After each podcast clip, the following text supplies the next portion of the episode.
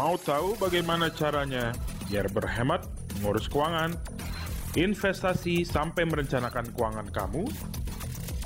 Dengerin aja Financial Talk podcast setiap hari Selasa. Mari kita sambut host kita, Melvin Mumpuni.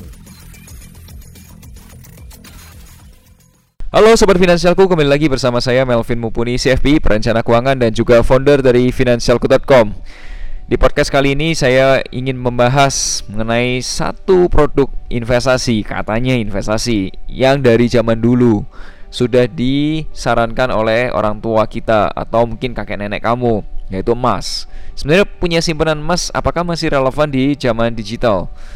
Orang tua kita mungkin menyarankan investasi emas tapi kan zamannya dulu ketika reksadana dan saham belum populer. Nah, gimana nih menurut kamu? Oke, selengkapnya kita akan bahas di episode 26 Kenapa milenial perlu punya simpanan emas? Oke, stay tune. Sebelum bahas lebih detail, Sobat Finansialku dapat mengirimkan pertanyaan atau curhat keuangan melalui fitur Tanya Perencana Keuangan di aplikasi Finansialku. Jangan lupa kasih hashtagnya hashtag curhat keuangan. Oke, salah satu curhatan kali ini adalah membahas Pak Melvin, saya T, seorang dokter gigi di Semarang. Saya sempat membaca e-book finansialku yang terkait emas. Sebenarnya, apakah menguntungkan jika investasi emas dan apa bedanya emas yang online dan emas yang biasa aja? Oke, jadi gini. Terima kasih sebelumnya Pak T Semarang. Terima kasih juga sudah dengerin podcastnya Finansialku Talk atau Fintalk dan juga menghubungi saya melalui aplikasi Finansialku. So gini, teman-teman. Menurut sudut pandang saya, emas itu bukan alat investasi. Emas itu lebih cocok disebut safe haven, pegangan yang aman gitu. Pegangan di saat ada kondisi darurat keuangan atau disebut juga dana darurat. Karena apa? Menurut saya, emas itu bisa mempertahankan nilainya dan menjaga inflasi. Coba sobat finansialku pendengar podcast Fintalk, coba amati deh harga emas di Indonesia. Memang emas di Indonesia itu sempat naik gila-gilaan loh. Kalau dari tahun 90-an ke 2000-an atau 2019 ini wah naiknya kencang banget. Tahun 94 kalau kamu lihat grafiknya itu ada di bawah harga 50.000 dan sekarang tahun 2019 sudah naik ke 600.000. Tapi itu berapa berapa tahun? Lebih dari 20 tahun. Ya kan? Berikut ini grafik harga emas dari tahun 94 sampai dengan 2019 kalau kamu mau lihat silahkan lihat di artikelnya Finansialku dengan judul podcast episode 26. Oke, saya udah masukin gambarnya. Itu kalau kamu akses bisa langsung akses dari situ. Coba deh, kamu pikirin deh. Ini tuh grafik ini memang grafiknya naik terus kan. Tapi emasnya yang harganya naik atau rupiahnya yang harganya turun. Nah, itu deh sudut pandangnya. So, oleh sebab itu saya ingin melakukan perbandingan dengan satu lagi yaitu US dollar. Coba deh, amati juga grafik rupiah, sorry, grafik rupiah terhadap US dollar dan juga grafik emas terhadap US dollar.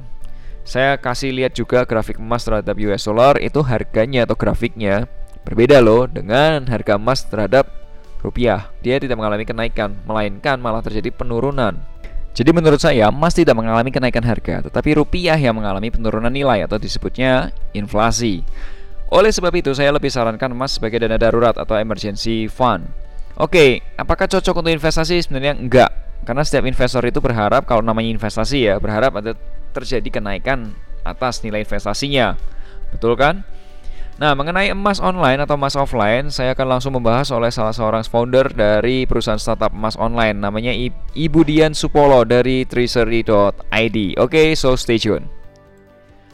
Halo sobat finansialku, di podcast kali ini saya ditemani oleh Ibu Dian.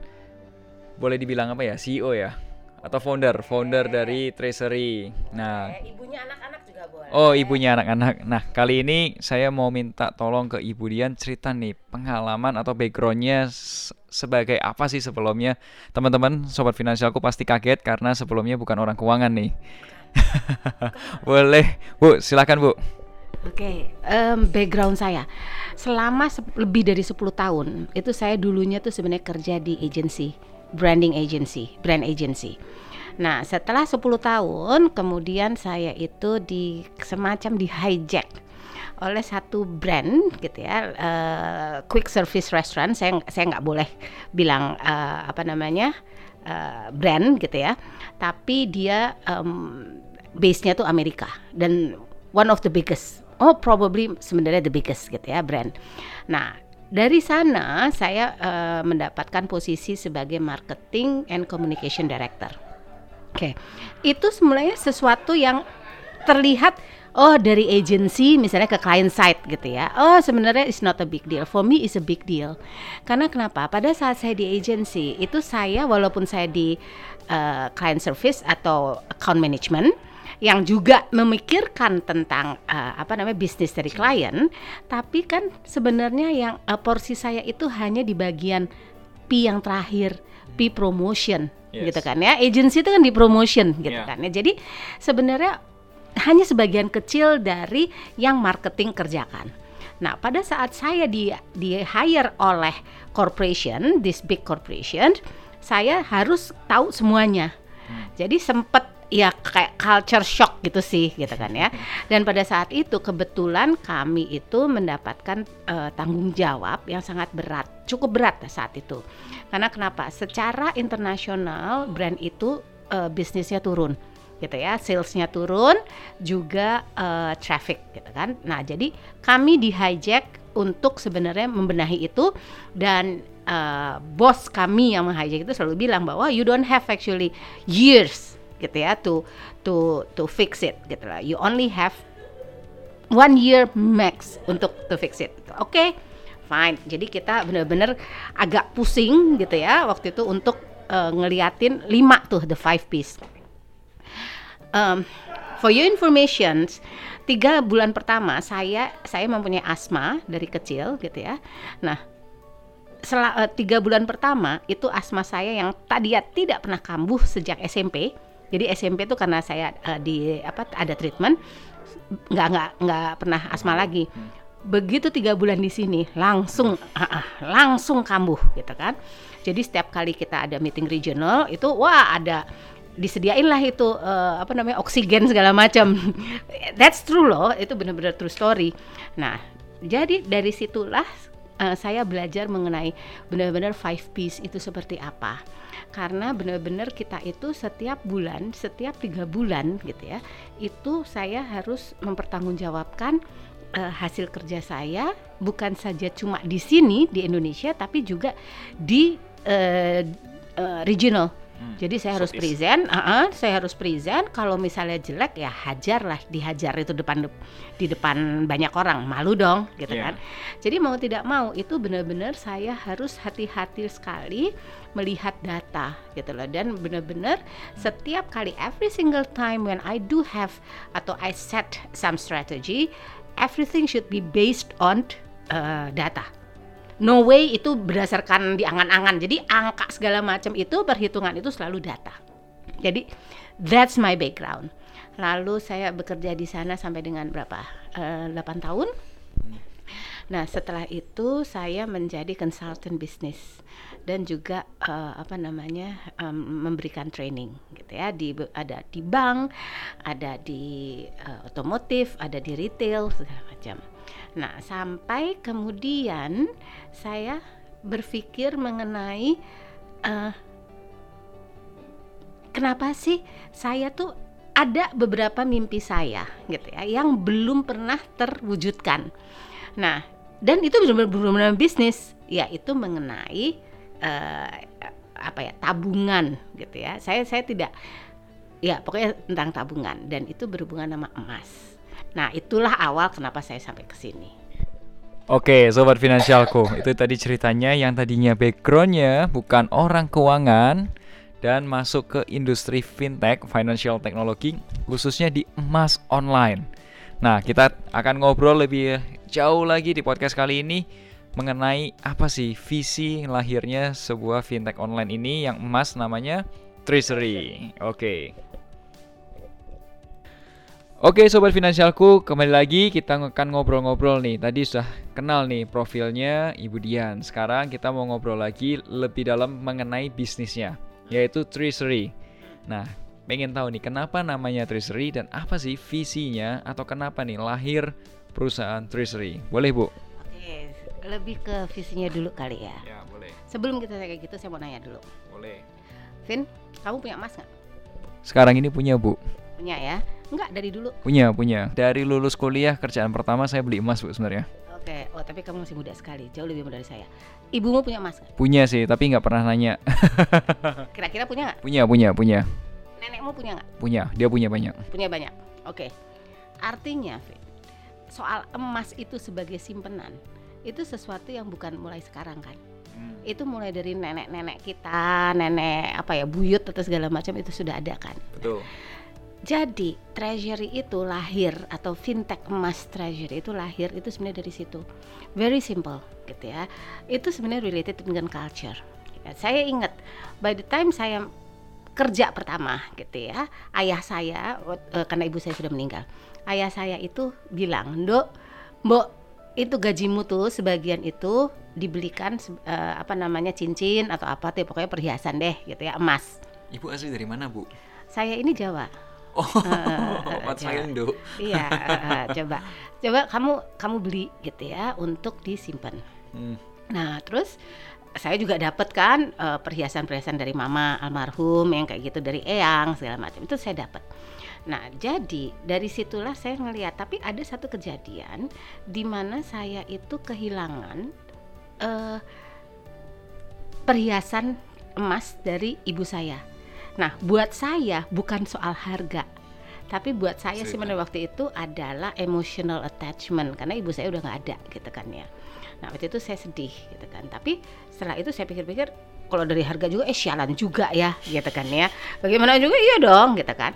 Nah terus yang juga buat saya mengganggu itu adalah dan ini sebenarnya dirasakan oleh hampir semua orang karena saya juga eh, setelah itu melakukan research gitu ya dan ini dikatakan oleh hampir semua orang yang bilang bahwa ya sebenarnya nih kan namanya namanya perhiasan emas itu kan untuk savings untuk untuk simpenan gitu kan. Yang satu waktu kita perlukan itu kita akan jual. Nah masalahnya by the time kita jual itu kan artinya butuh uang.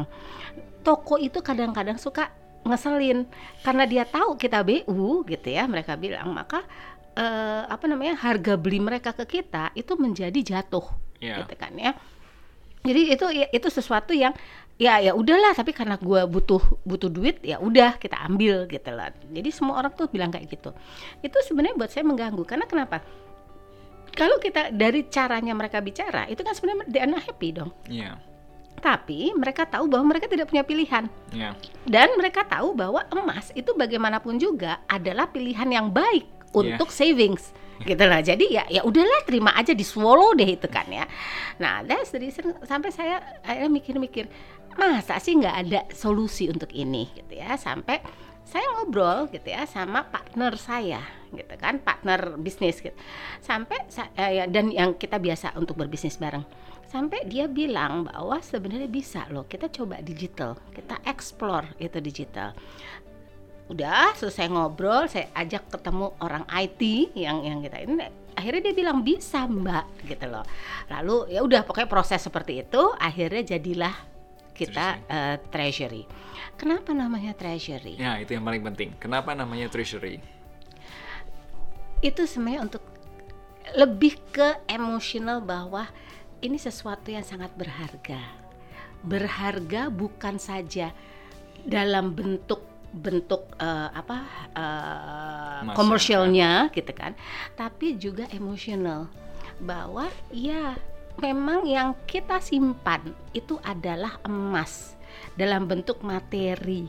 Tapi yang kita dapatkan nanti dari emas itu itu sesuatu yang tentang happiness, sesuatu sesuatu yang lebih bagus, sesuatu yang mungkin bisa apa namanya mewujudkan cita-cita Hmm. ter- apa pun itu gitu loh. So that's the reason kenapa namanya itu adalah treasury. Ternyata ada maknanya banget dalam banget ya.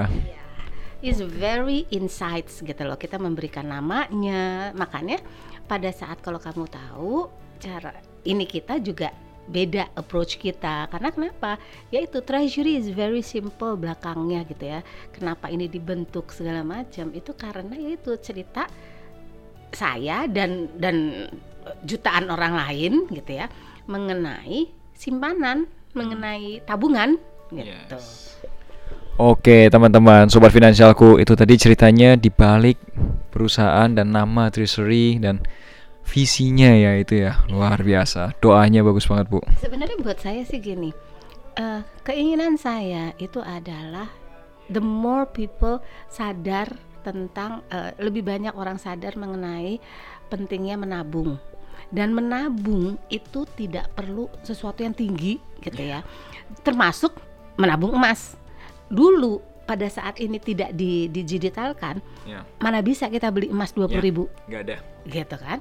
Nah sekarang sebenarnya itu dan saya itu mengajak kok, yuk nabung yuk gitu loh. Mau berapapun nabung deh supaya kamu itu nanti nih jangan giliran butuh terus nggak punya apa-apa. Ya.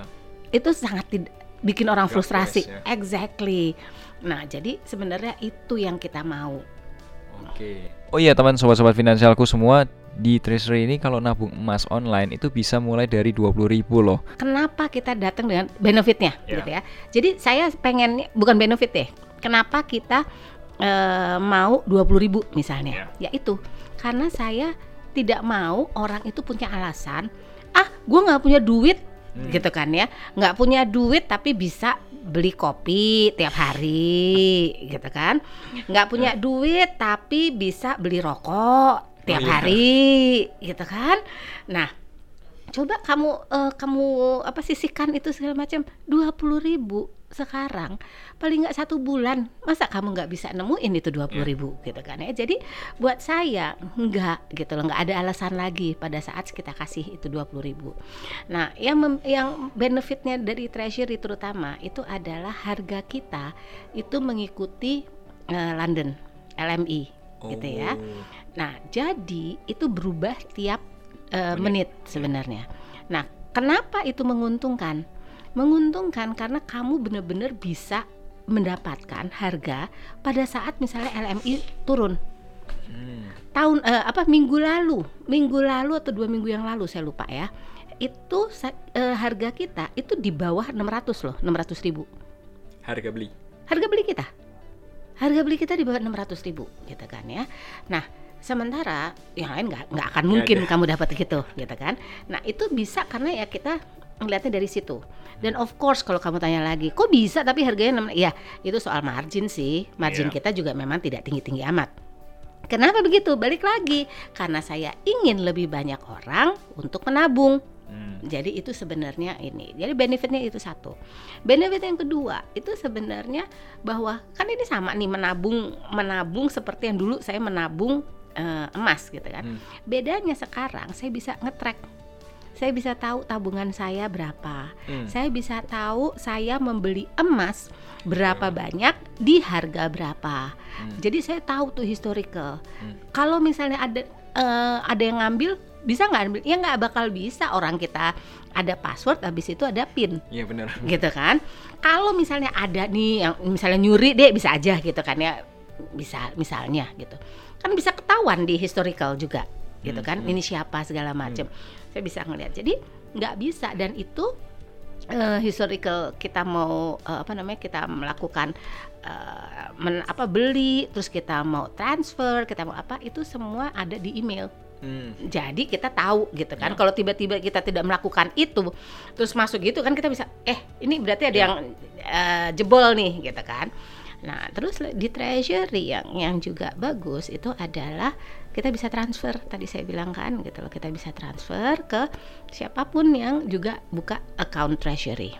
Nah satu hal lagi yang juga sebenarnya buat saya itu penting dan itu based on ini kita juga apa namanya uh, my personal life itu adalah bisa diwarisi, uh, oh, diwariskan, gitu kan? Itu sebenarnya sama seperti saya dapat uh, apa namanya warisan dari eyang, gitu. Ini sama tapi digital, gitu.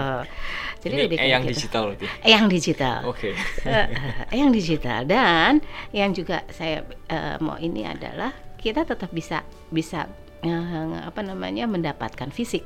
Hmm.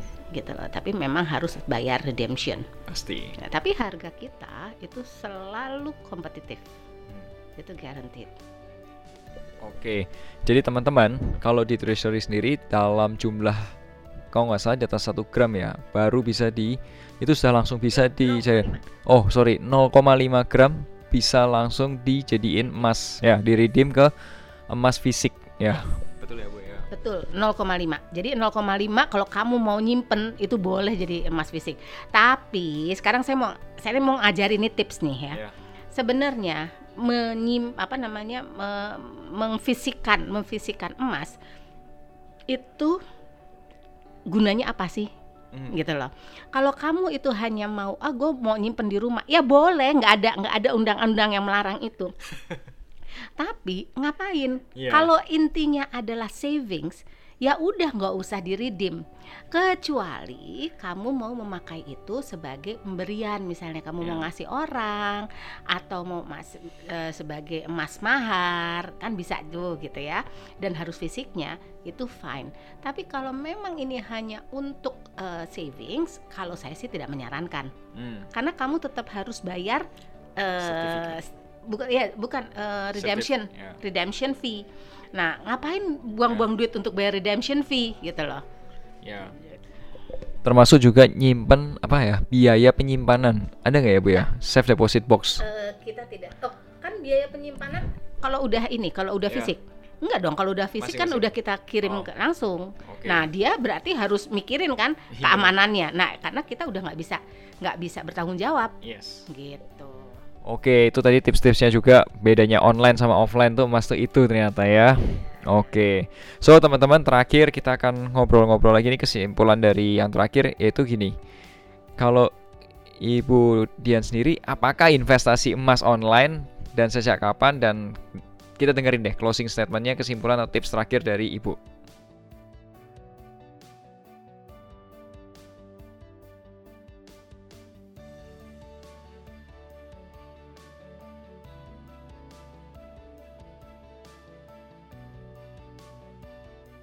Oke sobat finansialku sudah di ujung podcast kita ngobrol-ngobrol tentang emas online dan khususnya profil dari Ibu Dian seorang founder dari Treasury. Nah teman-teman ini dia closing statement atau kesimpulan dari Ibu Dian. Saya hanya tips dari saya itu adalah eh, mindset bahwa menyimpan jewelry itu untuk eh, tabungan itu boleh-boleh saja, tapi harus diingat bahwa jika itu eh, jika jewelry maka akan banyak sebenarnya kita harus siap-siap untuk kehilangan eh, nilai dari eh, jewelry itu sendiri Ya. gitu ya. Kenapa? Karena kita akan kehilangan desainnya, ongkos desain, ongkos eh, produksi, segala gitu kan. Nah, jadi kalau saya sih menyarankan jika memang berpikir untuk menabung, maka menabunglah logam mulia. Baik yang fisik maupun non fisik. Hmm. Lebih non fisik itu sebenarnya juga lebih baik karena kenapa? Lebih aman Ya. karena kita tidak menyimpan sendiri kemungkinan untuk hilang itu eh, menjadi sangat kecil gitu ya itu satu dan bagaimana dengan jewelry jika jewelry mindset kita adalah ini memang untuk lifestyle ini untuk bikin kita cantik ya bahwa itu bisa dijual bisa tapi jangan expect too much dari situ. Karena yaitu harga itu akan turun. Jadi buat saya eh, apakah saya itu punya online atau atau offline itu? Untuk saya jika itu berhubungan sama jewelry of course saya saya hanya Offline. punya offline itu adalah jewelry. That's it. Saya tidak punya eh, yang lain. Tapi simpanan saya emas yang lain itu dalam bentuk online jadi gitu Oke teman-teman.